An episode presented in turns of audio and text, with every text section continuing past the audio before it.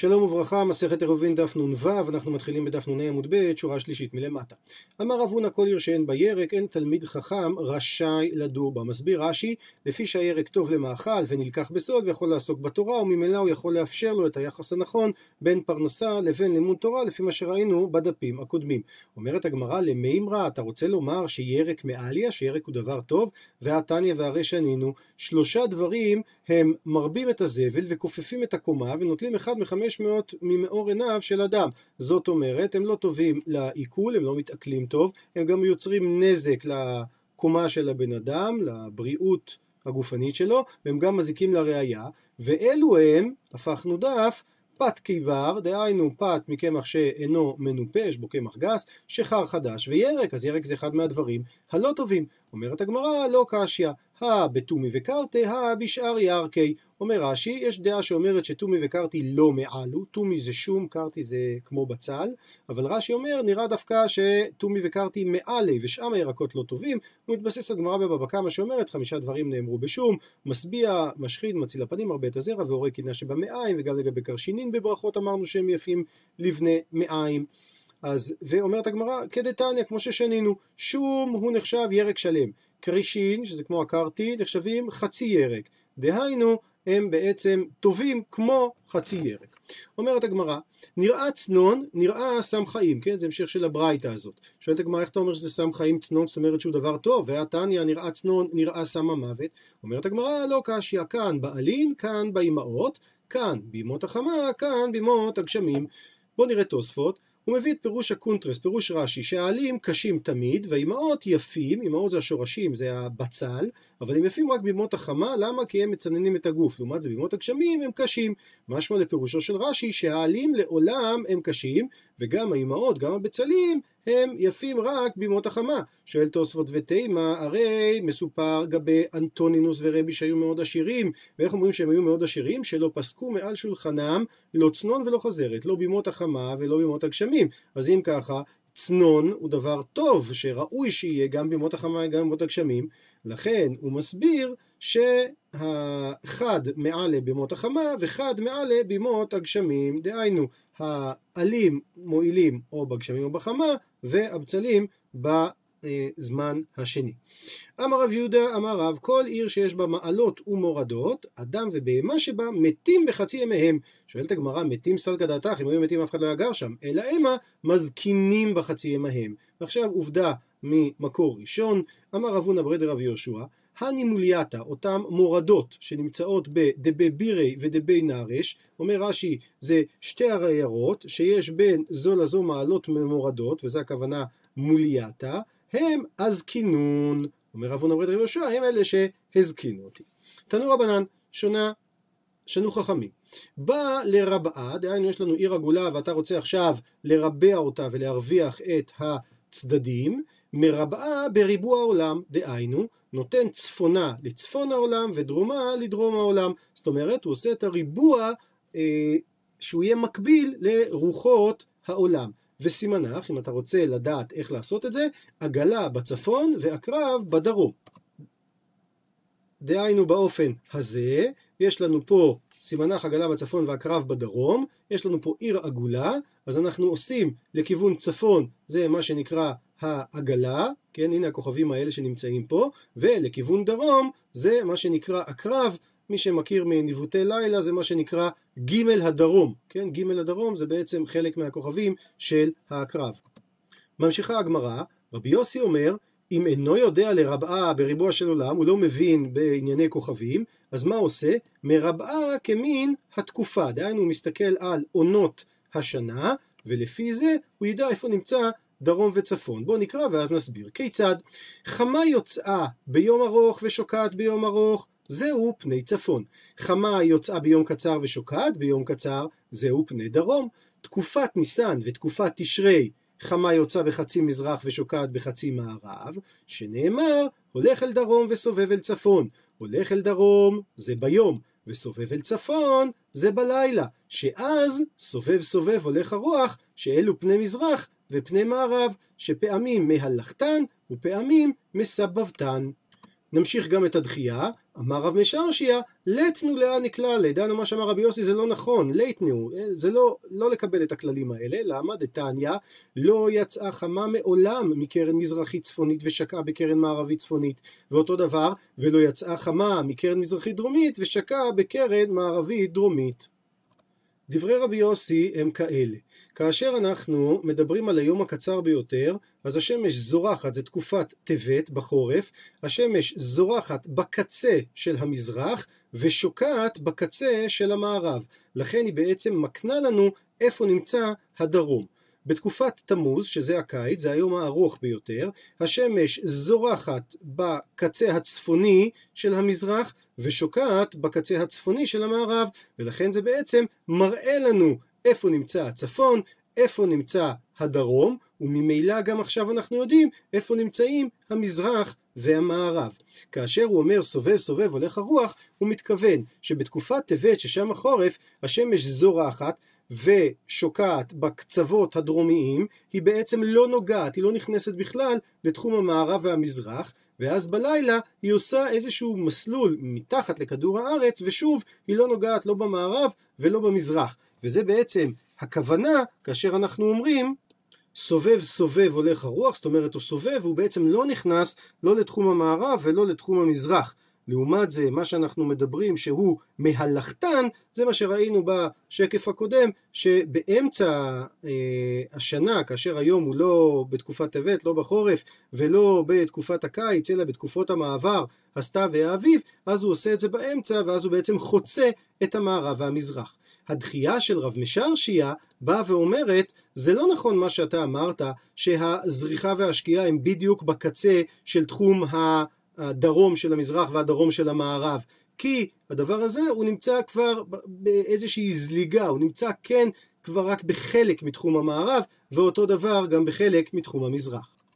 ואם הגמרא הזכירה את העניין של התקופות לגבי ריבוע העיר, היא גם מזכירה עוד משהו לגבי התקופות. אמר שמואל, אין תקופת ניסן נופלת, אלא בארבעה רבעי היום, שזה או בתחילת היום או בתחילת הלילה, או בחצי היום או בחצי הלילה. אותו דבר, אין תקופת תמוז, דהיינו הקיץ, נופלת, מתחילה, אלא או באחת ומחצה או בשבע ומחצה, זאת אומרת זה ייפול בשעה של היום או הלילה, כן, בין ביום ובין בלילה, או באחת וחצי או בשבע וחצי. ואין תקופת תשרי, שזה הסתיו, נופלת, אלא או בשלוש שעות או בתשע שעות, וגם זה בין ביום ובין בלילה.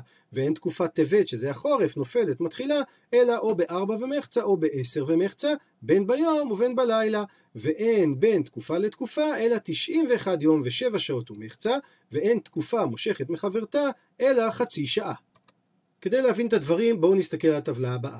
בשנה יש ארבע תקופות, דהיינו ארבע עונות, זה 365 ימים פלוס 6 שעות. אז אם נחלק את זה לארבע, כדי לקבל כמה זה כל עונה, אנחנו נקבל שכל עונה היא 13 שבועות ועוד 7 וחצי שעות. אז בואו נתחיל לעבור על התקופות. תקופת ניסן, רש"י אומר את זה, לא נראה את זה כרגע, המאורות נתלו בלילה הרביעי, ולכן אז גם התחילו התקופות. אז ההתחלה של ניסן הייתה בתחילת ליל רביעי, שבו נתלו המאורות. תקופת תמוז הייתה בק... כן, הקיץ, אחרי 13 שבועות ושבע וחצי שעות, זאת אומרת, יצא בדיוק באותו יום, בליל רביעי, אבל שבע וחצי שעות אחר כך. תקופת תשרי, עוד פעם, 13 שבועות פלוס שבע וחצי שעות, היא כבר ביום רביעי ביום, ואם תעשו עוד שבע וחצי שעות ממה שהיה קודם, אז זה יצא שעה שלישית ביום. ותקופת טבת, שזה החורף, שוב פעם, אחרי 13 שעות ושבע וחצי שעות, זה יצא ביום רביעי בשעה עשר וחצי ביום. אם נמשיך, מספר 5, אני בעצם חוזר לתקופת ניסן שנה אחרי, שוב פעם, היא תהיה אחרי תקופת טבת 13 שבועות ושבע וחצי שעות, אז זה כבר יצא בליל חמישי בשעה 6, וכן על זה הדרך, תקופת תמוז תהיה ביום חמישי בשעה אחת וחצי, תקופת תשרי תהיה ביום חמישי בשעה 9, ותקופת טבת תהיה ביום שישי בשעה ארבע וחצי. שוב, שעות הכוונה שעות מתוך היום, 12 שעות ביום, 12 שעות בלילה. אז אנחנו רואים בעצם שההפרש בין תקופה לתקופה הזה אחר כך, כן, בין מספר 1 למספר 5, תקופת ניסן בשנה הראשונה לבין תקופת ניסן בשנה השנייה, זה זהה, כן, שזה תוספת של יום, אם פה זה היה בליל רביעי, פה זה יהיה בליל חמישי, פלוס 6 שעות. וממילא, לפי הכלל הזה, תחילת היום, וזה בעצם מה שאמר לנו שמואל, תקופת ניסן היא תהיה תמיד בתחילת היום או הלילה או בחצי היום והלילה, דהיינו היא תהיה או בשעה 0 או בשעה 6, או של היום או של הלילה. תקופת תמוז תהיה תמיד או באחד וחצי או בשבע וחצי או בשעות היום או בשעות הלילה. ואותו דבר תקופת תשרי תהיה תמיד או בשעה שלוש או בשעה תשע תמיד או ביום או בלילה ותקופת טבת תהיה תמיד בארבע וחצי או בעשר וחצי שעות או ביום או בלילה. שוב, כי ההפרש בעצם הוא הפרש קבוע בין התקופות משנה לשנה, הוא תמיד תהיה יום אחד קדימה פלוס שש שעות. אחר כך שמואל אמר אין תקופה מושכת מחברתה אלא חצי שעה.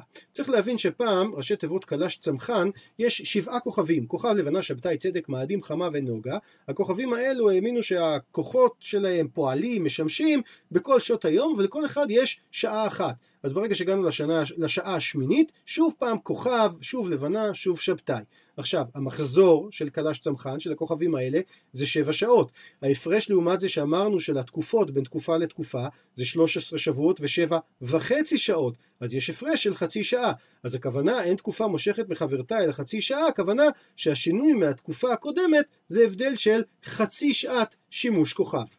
ומסיים שמואל את דבריו, ואמר שמואל, אין לך תקופת ניסן שנופלת, כן, אם התקופה עצמה התחילה כאשר כוכב צדק משמש באותה שעה, בצדק, שאינה משברת את האילנות, ואין לך תקופת טבת שנופלת בצדק, שאינה מייבשת את הזרעים, כן, זה עושה משהו מאוד קשה, ההשפעה של צדק, והוא דאיטיאליד לבנה, או בלבנה או בצדק, וזה אומר שמולד הלבנה של אותו החודש היה תמיד או כאשר כוכב הלבנה משמש, או כאשר כוכב צדק משמש. אנחנו הופכים דף.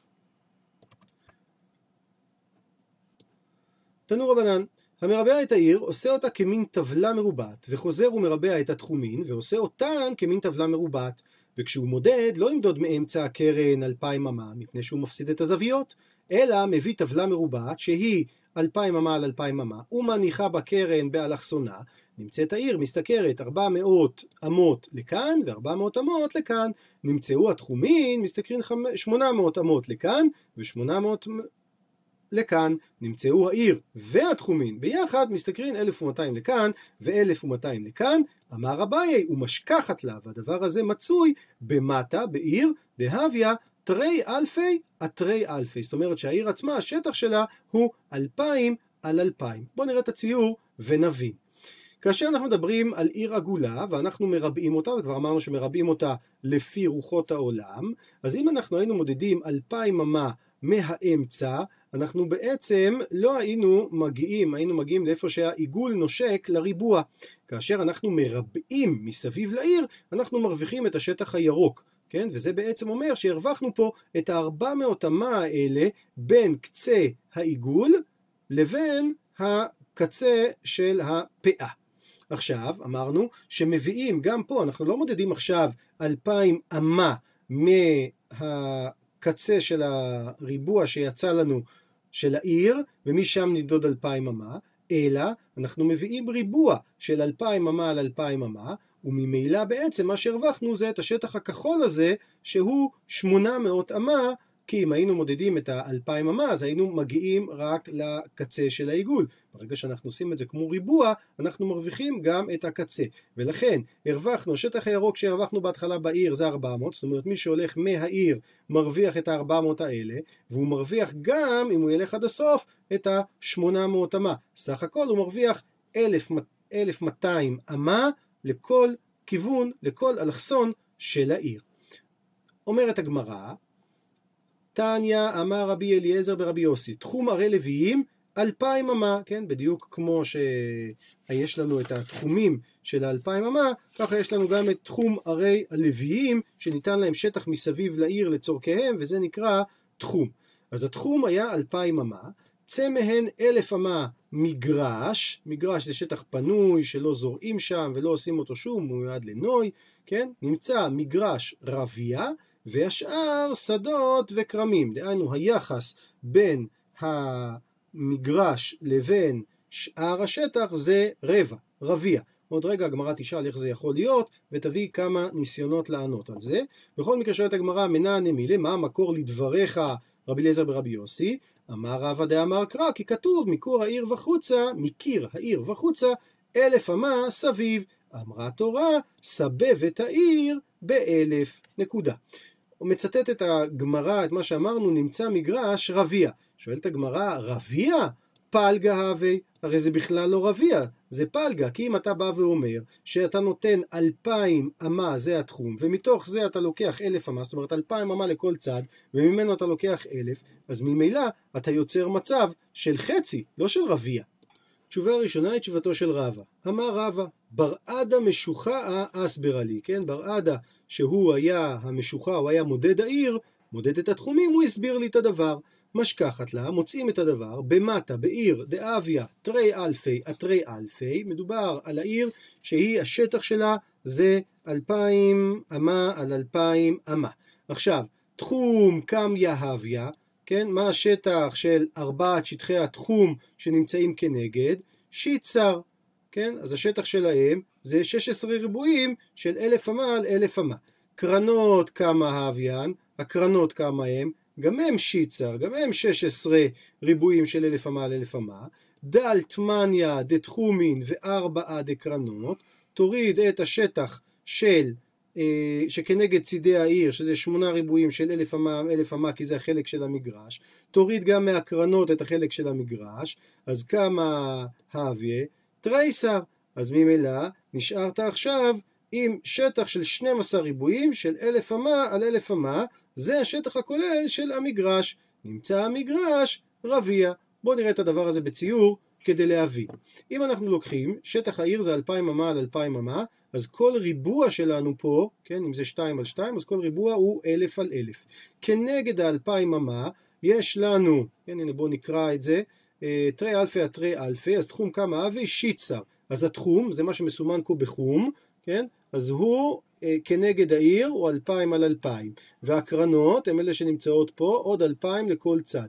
אם עכשיו נתייחס לדבר הזה, אומר רבא, אנחנו בעצם רואים, בואו נספור את כמות הריבועים שיש לנו, בסדר? אז יש לנו 1, 2, 3, 4, 5, 6, 7, 8, 9, 10, 11, 12, 12 ריבועים בסך הכל, שה-12 ריבועים הללו הם אלף אמה על אלף אמה כל אחד מהריבועים הללו. והדבר הזה, רוצה רבא להגיד, זה הרביע. שואלת הגמרא על זה, מה זאת אומרת? נמצא מגרש רביע?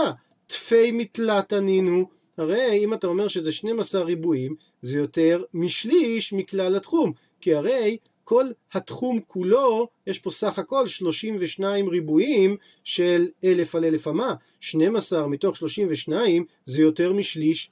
אומרת הגמרא, הייתי ארבעה דמטה, ושדי עליו, דהיינו, תביא את הארבע ריבועים של העיר עצמה, כן, שזה אלפיים על אמה, זה ארבע ריבועים של אלף על אלף, ואותם תוסיף לשטח של התחום. אז אם ככה, השטח הכולל של העיר עם התחום זה 36 ריבועים, וזה הכוונה ש-12 זה רבע מתוך 36. שואלת על זה הגמרא, מה זאת אומרת? הקאטי טילתא אבי, 12 מתוך 36 זה לא רבע, זה שליש. עונה הגמרא, מי סברת בריבוע כאמר? בעיגולה כאמר. לא מדובר על עיר מרובעת, אלא על עיר עגולה. כמה מרובע יתר על העגול? רביע, כן? השיעור שיש לנו, אתה מדבר על עיר עגולה, וכאשר עיר עגולה לעומת עיר מרובעת, אז יש הבדל של 25%.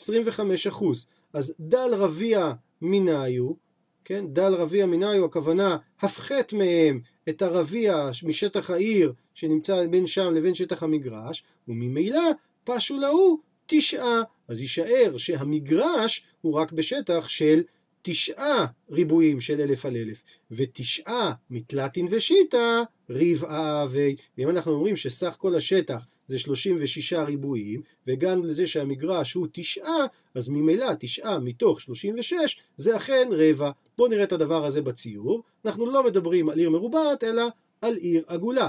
אם אנחנו מדברים על עיר עגולה, אז על עיר עגולה יש לנו בעצם גם שטח המגרשים, השטח הריק, מצטמצם, ולפי החשבון שאמרנו יוצא שסך השטח של המגרשים הוא כתשעה ריבועים של אלף על אלף, ותשעה מתוך השלושים ושש שנמצאים פה, ממילא זה רביע. עד לכאן בשעה טובה, דף נ"ו.